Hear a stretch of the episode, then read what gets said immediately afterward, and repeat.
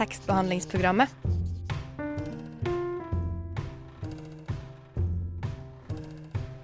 Tekstbehandling på radio.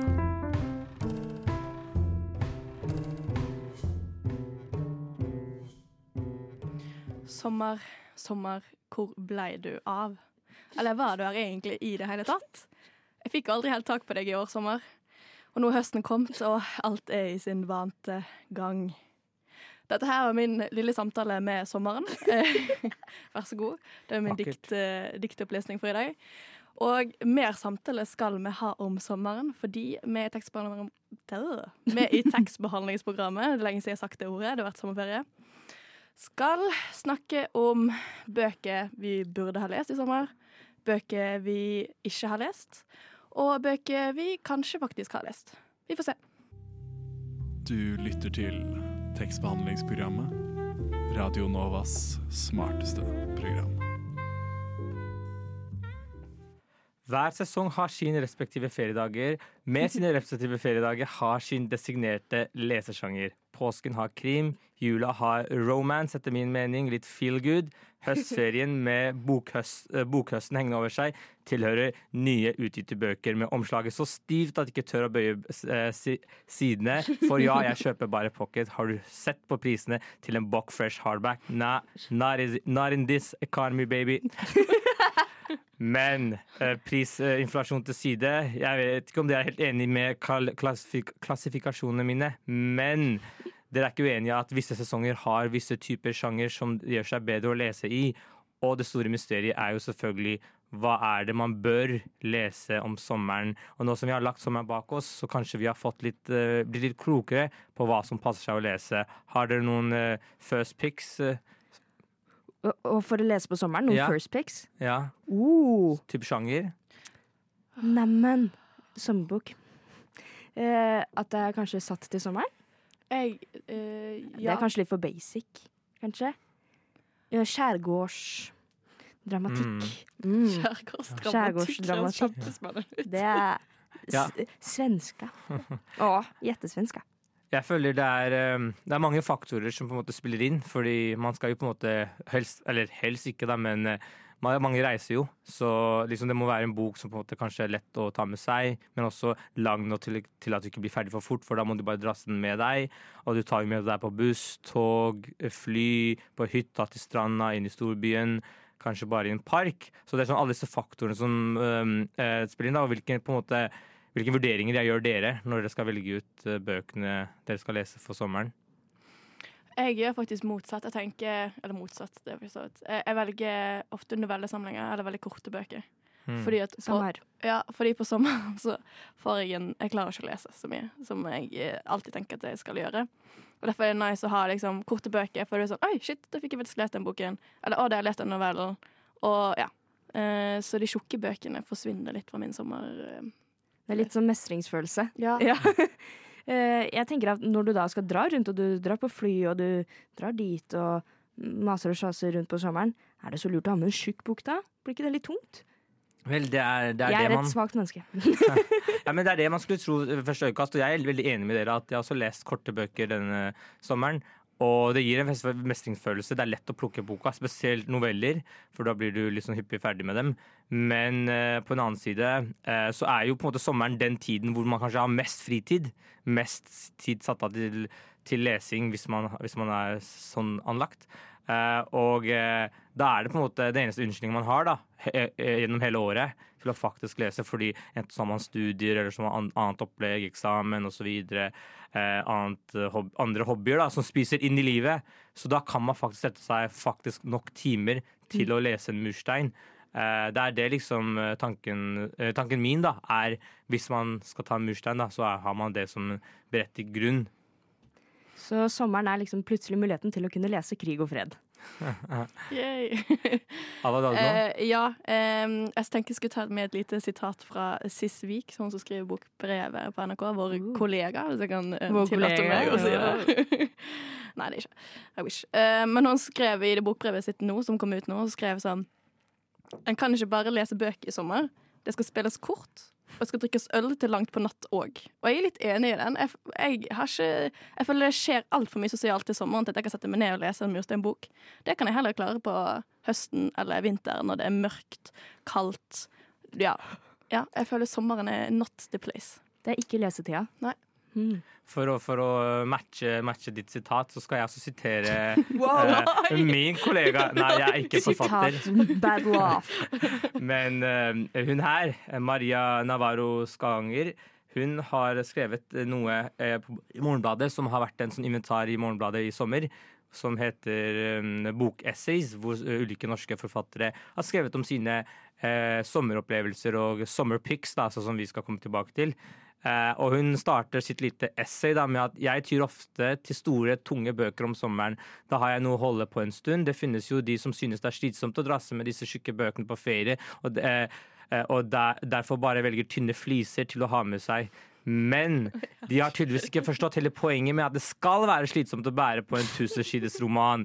Eh, det er starten, da, og hun kommer med en begrunnelse. Det er fordi man jeg, Og jeg deler hennes frykt. Jeg er redd for å kjede meg for mye. Eh, Noe som egentlig aldri skjer, så det, kanskje den frykten er uberettiget også. Men at jeg har med den boken, for den skal passe på meg. Uh, I de øyeblikk uh, jeg har lyst til å lese, i de øyeblikk jeg kjeder meg, i de øyeblikk Kanskje jeg drar til steder som ikke, er, finne- der ikke finnes internett. Kanskje jeg må vente i to timer fordi bussen er forsinka. Man vet ikke hvordan busstiden nede på Alicante er, liksom. Uh, så det er mitt argument, da. At boka skal passe på deg. Og da må man tåle at den veier litt òg, da. Ikke bookshame. Word. Word. Ja, man skal kanskje lese litt tunge bøker. Jeg har lest uh, litt tynnere bøker i sommer. Mm. Litt for å få den derre Den følelsen du snakka om i stad, Alva, om å føle at man har liksom fått til noe. Ja. Og en av bøkene jeg har lest, Alva, fikk jeg jo av deg. Ja. Den fikk jeg av deg eh, før sommeren begynte, når vi hadde vårt eh, vår bibliotek, hva skal man si, barnehagetur. Mm. Da fikk jeg 'Kjærlighetens Antarktis' av Hvem var det som hadde skrevet? Hva er forfatter? Sara Stridsberg. Sara Stridsberg. Og da fikk jo jeg et lite håp på at den var på svensk. Det var den ikke. Nei, Men ble- svensk forfatter, da. Ja. Har jo satt i Sverige. Det tror jeg kanskje var den sjukeste boka jeg leste i sommer. Oi. Vær så god. Tusen, tusen takk. Ja. Skal du komme tilbake til den, eller vil du si noe om den? Jeg vil gjerne si noe om den nå, Taib, og det er viktig for meg å si. Herregud, for en deprimerende bok. Ja. Snakk om å gi her, her har du en god venn som du skal gi en bok for sommeren. Tenker, Nå går man inn i sommeren, og det skal være hyggelig og mysete og gjette, gjette bra.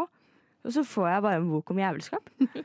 Men kanskje, kanskje man bør lese den på sommeren, for hvis du leser den på høsten eller vinteren, da, da går du ned i en spiral som ikke er, du kommer deg ut av. Så kanskje det er for å kompensere da, eh, med det fine været og sånt. Du skjønner? Oh. Hvis du er, høst, er hvis du er høstdeprimert og leser den, Ja. da kommer du aldri tilbake. Jeg har jo Alva på Goodreads. Mm. Det er der vi kommuniserer.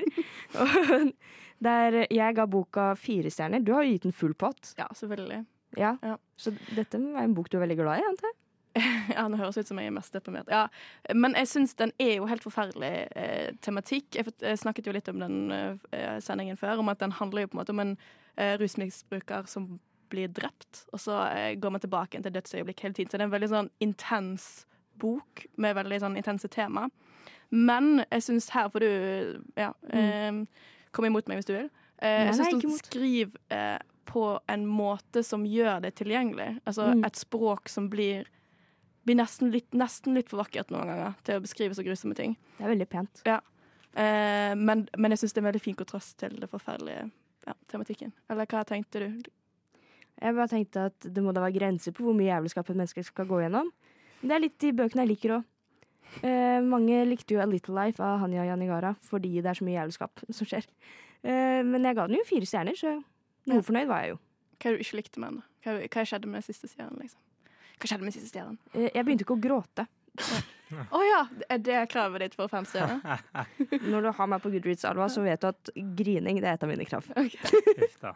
Men uh, det høres uh, fantastisk ut. Uh, jeg er fire stjerner og fem stjerner. Det er nok for meg. Eh, jeg skal Jeg høres som noe jeg vil også ha lyst til å plukke opp. Spesielt nå som Alva Nei, ikke Alva. Maria Approver med fire stjerner. Ikke jeg. Jeg har ingenting å si. Nei.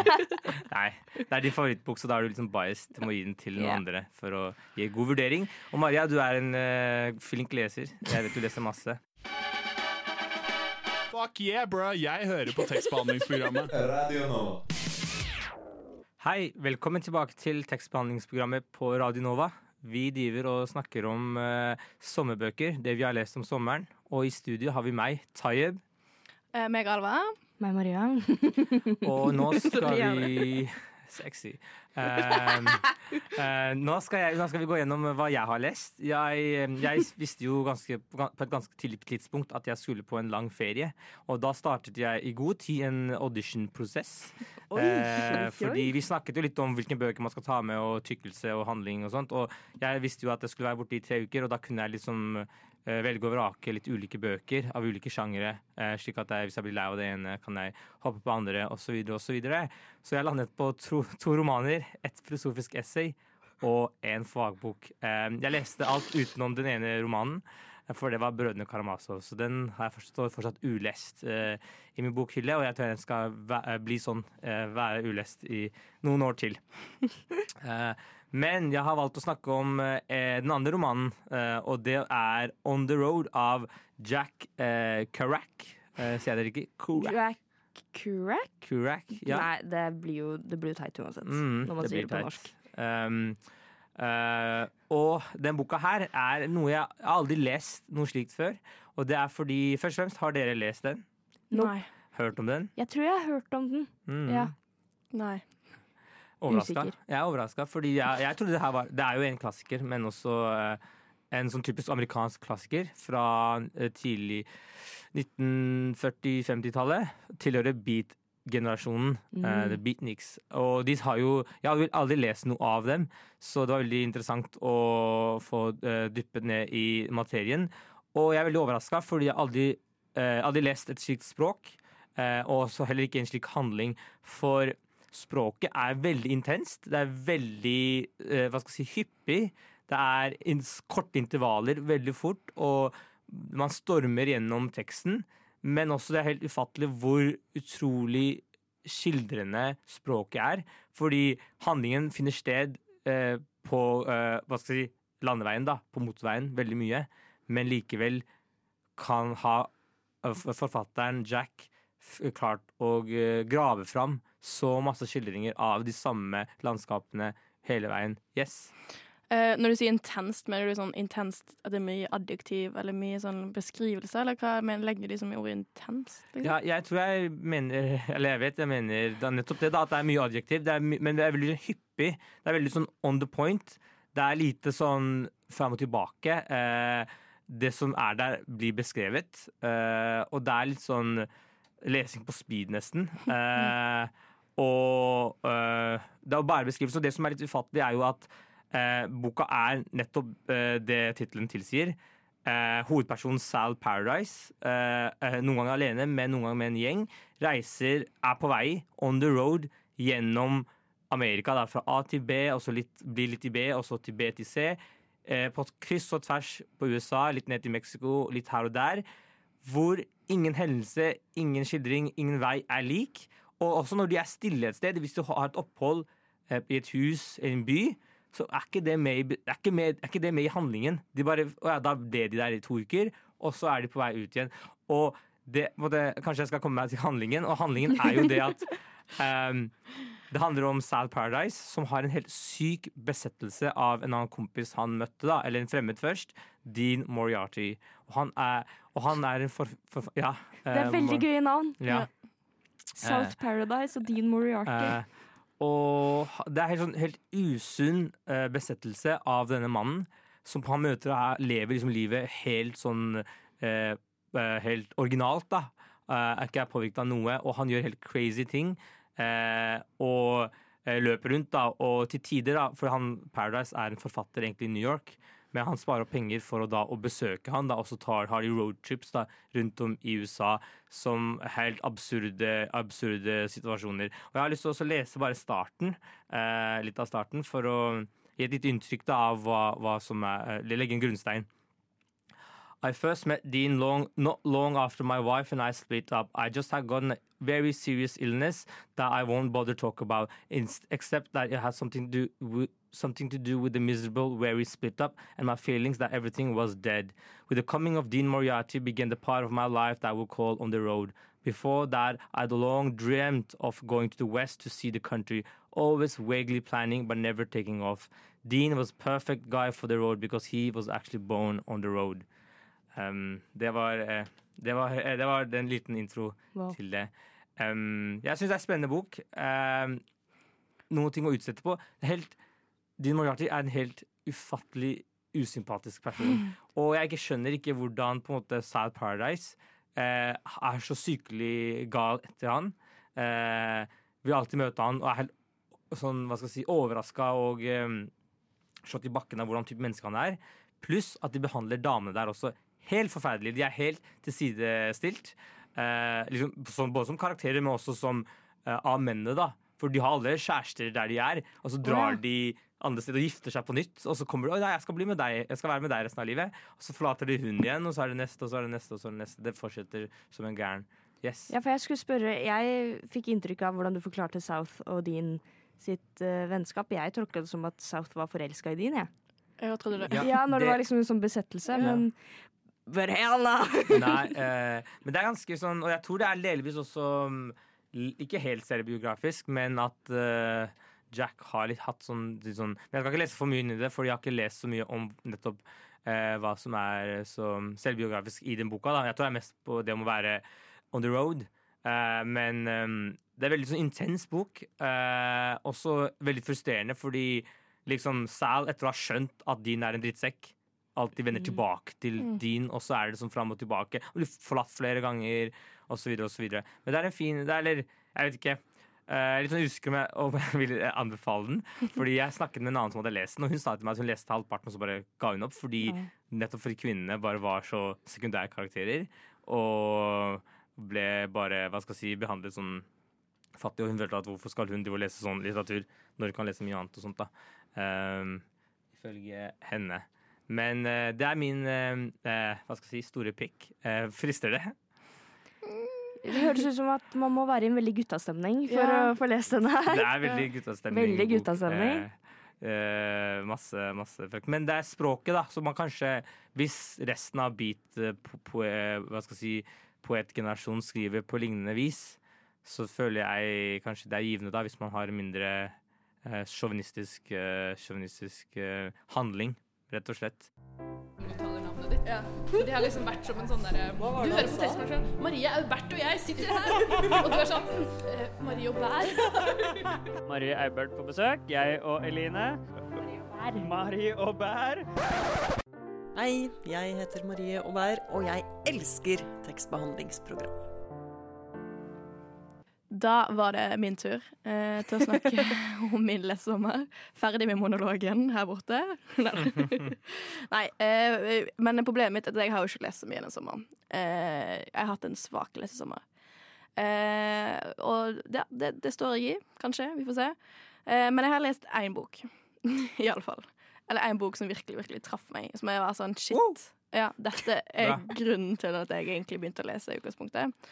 Og det er boken 'Vi skulle fortalt eh, hverandre alt' av Judith Herman.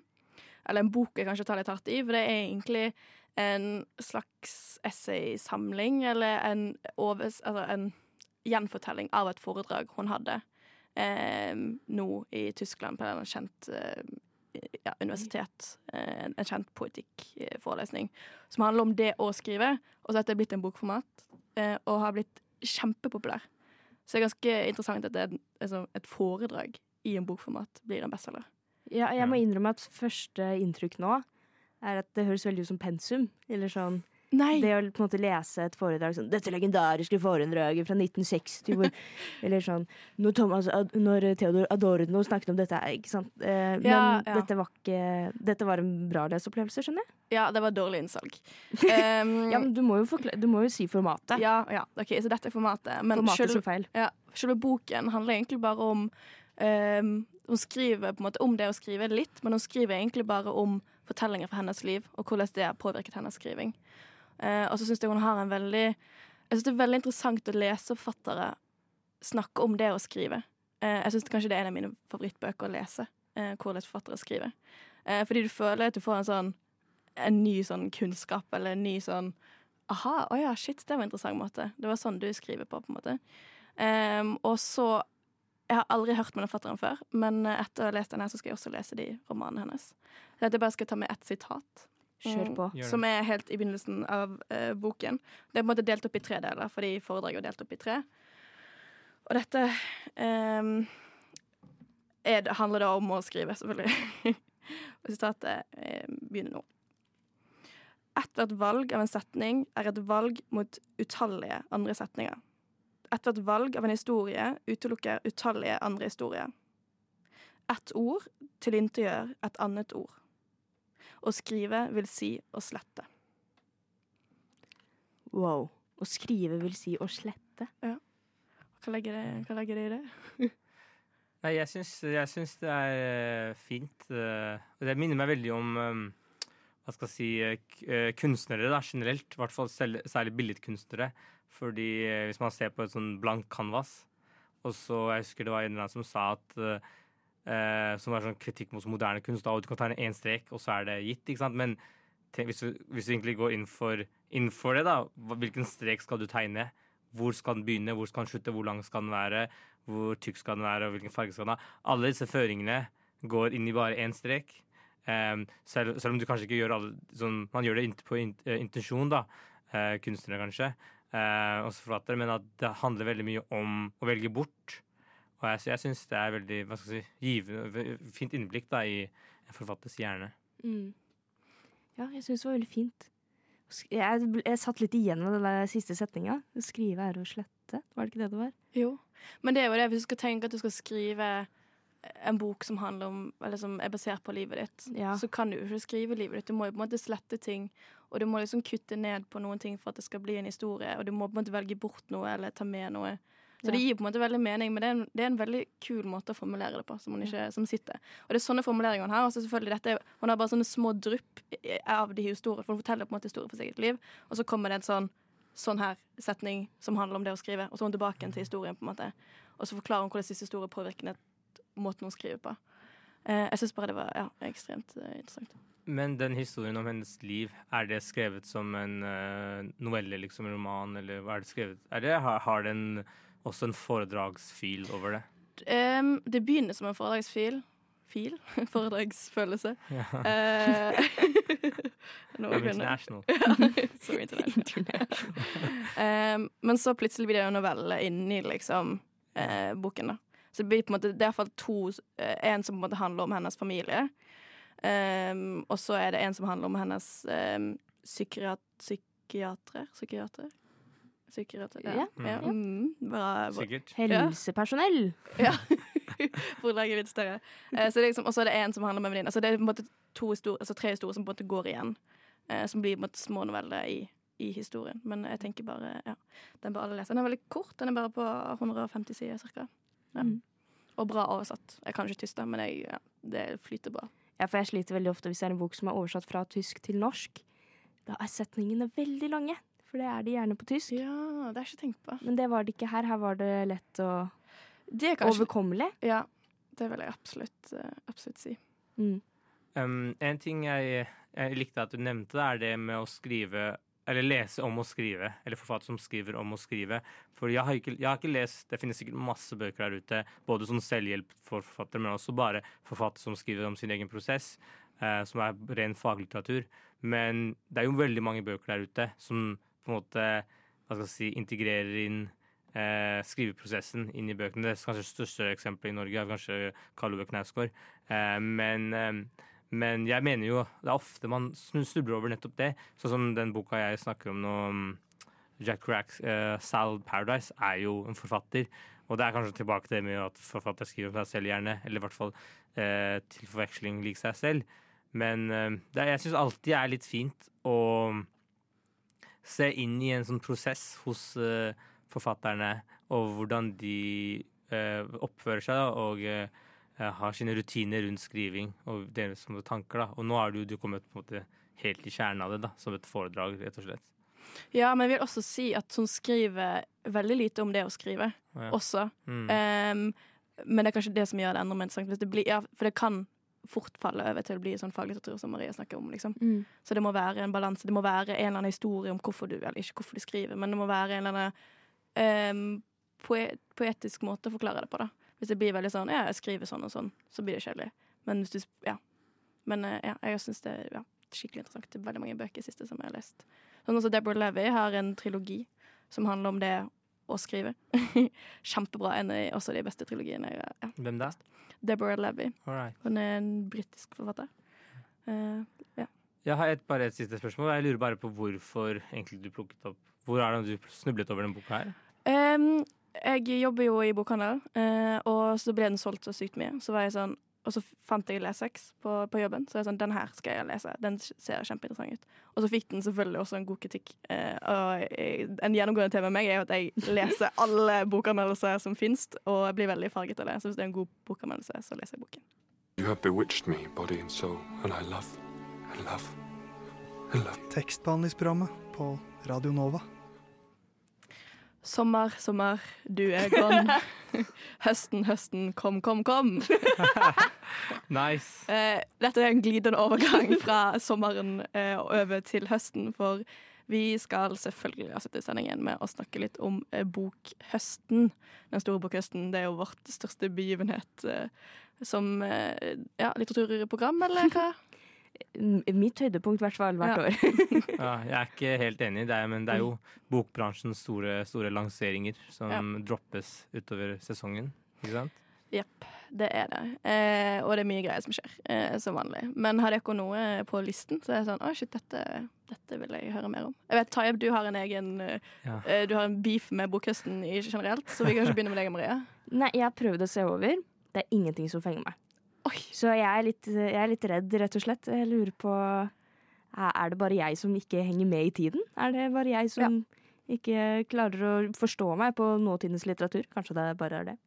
Men hvor er, det du, hvor er det du ser det her, liksom? Er det et program som ligger ute et sted, eller? Nei, altså jeg har sett på forlagene sine forskjellige nykommere. Og Mm. nye Ja, de har jo gjerne en egen, en egen side som heter Bokhøsten, gjerne, på disse forlagssidene. Men det var, det var jo ingenting, altså. Ingenting. Det, ja. Kanskje det er noe gærent med meg. Jeg har iallfall én tittel som jeg har lyst til å lese, som eh, er 'Rikt er et folk som har eh, skogen'. eh, av Amalie Kasin Lerstang. Ja, veldig bra. Bra jobba. Eh, og hun er faktisk en tidligere eh, tekstbehandler. Oi! Wow. så jeg tenkte hun må vi snakke om. Eh, eller iallfall Og dra inn i studioet her. Ja, det er jo kult. Dra henne inn. Yes. Uh, og ja. uh, og denne boken handler, sånn som jeg har lest om den, da, så handler det om det å være et vanlig menneske, og det handler om kommunen. Uh, og jeg har fått veldig Nå er det kommunevalg. Oi. Oi, oi, oi. Her er det en Oi, oi, oi. eh, overgang. Demokrati! Ja. Så kommunen er kanskje inn i år. Kanskje kommune er det vi skal lese mer om. Eh, og ja. Jeg har hatt et fag jeg, på universitetet som heter Perspektiver i Kommune-Norge. Um, Perspektiver. ja. Perspektiver. Hva er Eller det var egentlig fag, en av bøkene het Ja. Perspektiver. Eh, Det heter Offentlig, administrasjon, ad offentlig administrasjon og um, politikk. Eh, handler om Kommune-Norge. Um, Oh, det er dette så som er heite I'm all good. Jeg har fått Ja. mitt faglige innblikk, men nok om det. Men jeg vil også bare dra eh, linje tilbake til litteraturfestivalen, for da snakket vi eh, om kommunedikt og eh, eh, hvorfor kommunen egentlig er en perfekt eh, eh, ting å dikte om. Eh, så hvis dere tenker sånn å, jeg trenger litt mer kommune etter kommunevalget, hør på den sendingen. Ja, og intervjuet jeg hadde med mm, Kjersti Bjørkmo og Grodale. Fint. Vi trenger litt mer kommune. Mm. Ja. Men tilbake til din beef om eh, bokhøsten. Ja, jeg, har ikke, jeg har ikke noe beef i seg, i, i seg selv. Det er bare at uh, jeg begynner å nå et punkt i livet hvor jeg, uh, jeg, har, en, jeg har en sykdom. Og det er at Og jeg, sier det nå på lufta. Det er at jeg er en hoarder i form av bøker. Absolutt. Fordi å lese bøker er en helt annen hobby enn å kjøpe, låne og få ny interesse for bøker. Og mine leselister blir lengre og lengre og lengre for hvert år som går. Og jeg kan ikke eh, eh, ta inn over meg nye bøker som kommer ut. Så nå skal jeg si stopp. Nå skal jeg ha en eh, stopp for å eh, være jeg skal si, oppmerksom på nye bøker som kommer. Jeg skal lese bøker som jeg allerede har på lista mi. Eh, både for min egen helse og også litt sånn for eh, miljøet. fordi jo mer bøker vi trykker, jo, jo mer spiser vi av planeten, gjør vi ikke? Så det er en, det tar to fluer i en smekk. Det er derfor, da. Eh, og jeg, jeg oppfordrer også til en sånn generelt Kanskje vi skal ha sånn der, eh, grace period i ett år hvor ikke noe bøker publiseres, eller noe sånt. Da hadde det vært litt chill, for da kan alle liksom catche opp. Eh, Litt sånn catch up mechanic eh, i livet, da. Men skal jeg gå gjennom bøkene jeg har lyst til å lese? Oi. Du, du har liste, du? ja, jeg har faktisk liste. Oi. Eh, fordi jeg, det var, eller, denne lista ble skapt Fordi du vet, jeg kan ikke bare liksom, finne en bok. Jeg, en måte, det kommer bare damler ned i sinnet mitt, som jeg skriver ned akkurat der og da. Uh, og så har jeg det på notater. Så den første, da, den her kommer faktisk ut i høst, så dette er faktisk jeg hva skal Oi, si, du har uh, jeg, ja, jeg Du går imot dine jeg, går, ord. jeg går tilbake på akkurat alt jeg har sagt. Men, um, men den skrev jeg for en stund siden, fordi hun her, Karen Lykke, var på um, en podkast, og hun snakket om en bok hun har skrevet, og den heter 'Hva vi spiser når vi spiser kjøtt'. Og snakker om norsk eh, kjøttproduksjon, da, og at den kanskje ikke er så fin som man skal ha det til. Og også fordi jeg er veldig glad i kuer, så jeg skal eh, lese, lese den for å litt, få litt innblikk da, i norsk kjøttproduksjon. Det er også en annen bok uh, fra Manifest Media som heter eh, eh, 'Nasjon av kjøtthuer', og, eh, og 'Mellom Bakkar og Kjøttberg', Oi. som handler om norsk kjøtt, som, som handler om norsk matindustri, da. Ja. Og em, hvorfor det er viktig, da. Og jeg er ingen Senterparti-ungdom, for å si det sånn, men, em, men det er interessant. Nummer to på lista, jeg skal være rask, er 'How to Blow Up a Pipeline' by Oh. Anders, Anders Malm. Ja. Um, så da skal jeg bli miljøaktivist samtidig. Jeg høres ut som Ja, du er, en viss type nå. um, men jeg skal, jeg skal lande på neste bok, som også er litt politisk. 'På sporet av den tapte fremtid' av Alf Jørgen Schnell, som kom ut eh, nå i våres. Skrevet av en eh, samfunnsgeograf, ganske ung, som kritiserer da eh, i hvert fall byplanlegging i, i Norge og i Oslo. Og det er veldig mye sånn i arkitekturoppgjør og sånn som snakker om veldig mye estetikk, da. Men han tar også oppgjør med det, for han er veldig, veldig tilhenger av faktisk eh, den modern, modernismens sosiale boligprosjekter og sånt. Så han, tar, han er sånn et motsvar da, på egentlig arkitekturopprøret, og da skrevet en bok da, eh, som heter 'På sporet av den tapte fremtid' av Alfred, Schnell, eh, Alfred Jørgen Schnell. Eh, han er kul. Eh, den forhåpentligvis skal jeg få lest. Veldig tung bok om, eh, om eh, boligpolitikk. Så her blir det pensum på pensum. Eller er ikke pensum, men politikk på politikk. Ja, og kommunevalget. Herregud, dette, her ble det egentlig politisk eh, del Jeg ser gjennom lista mi nå. Jo, jo, jeg har tante Ulrikkesberg også. Jeg, ser det der. Jeg ser det der. Så, For så å kompensere. Beklager. Jeg innser det nå. Jeg må lese egentlig mer uh, skjønnlitteratur. Kanskje, kanskje jeg skal hente inn det også. Beklager det. Ja. Nei. Du har, har du noe på leselisten, eh, Marie? Eller er du Eh, apropos Tante Ulrikkes feil. Ja. leser nå eh, Seshan Shakar sitt nyeste. Eh, de kaller meg Ulven. Den er for så vidt på min leseliste. Og også lese ferdig alle de hundrevis av bøkene som jeg holder på å lese. Ja. Som jeg aldri blir ferdig med. Det er en tid for det på høsten også, tenker jeg. Mm. Absolutt. Mamma, pappa, jeg må fortelle dere noe. Jeg hører på tekstbehandlingsprogrammet. Tekstbehandlingsprogrammet i dag begynner å nærme seg en slutt. Vi vet ikke gjennom eh, sommeren og høsten. Eh, skal vi ta for oss vinteren og våren også etter siste stikket? Alle, ses alle sesongene. Ja, sesongene. ja. Bare ta det på ett sekund. Nei, vi skal ikke. Vi skal, vi skal avslutte. Vi skal det. Men før, Maria. Ja, det har seg jo slik at uh, tekstbehandlingsprogrammet tar inn nye medlemmer. Og vi ønsker veldig veldig gjerne at hvis du som hører på kanskje er litt interessert, bor i Oslo, er ung og hipp og leser bøker Du må ikke være hipp. Men du må være ung. Nei må, Du må lese. Ja. Det er en fordel. Eller høre på bøker, hva enn du foretrekker. Så tar vi nå inn nye medlemmer. Du kan finne link til søknadsskjema på vår Instagram. Du kan også finne det på Radio Nova sin nettside, radionova.no.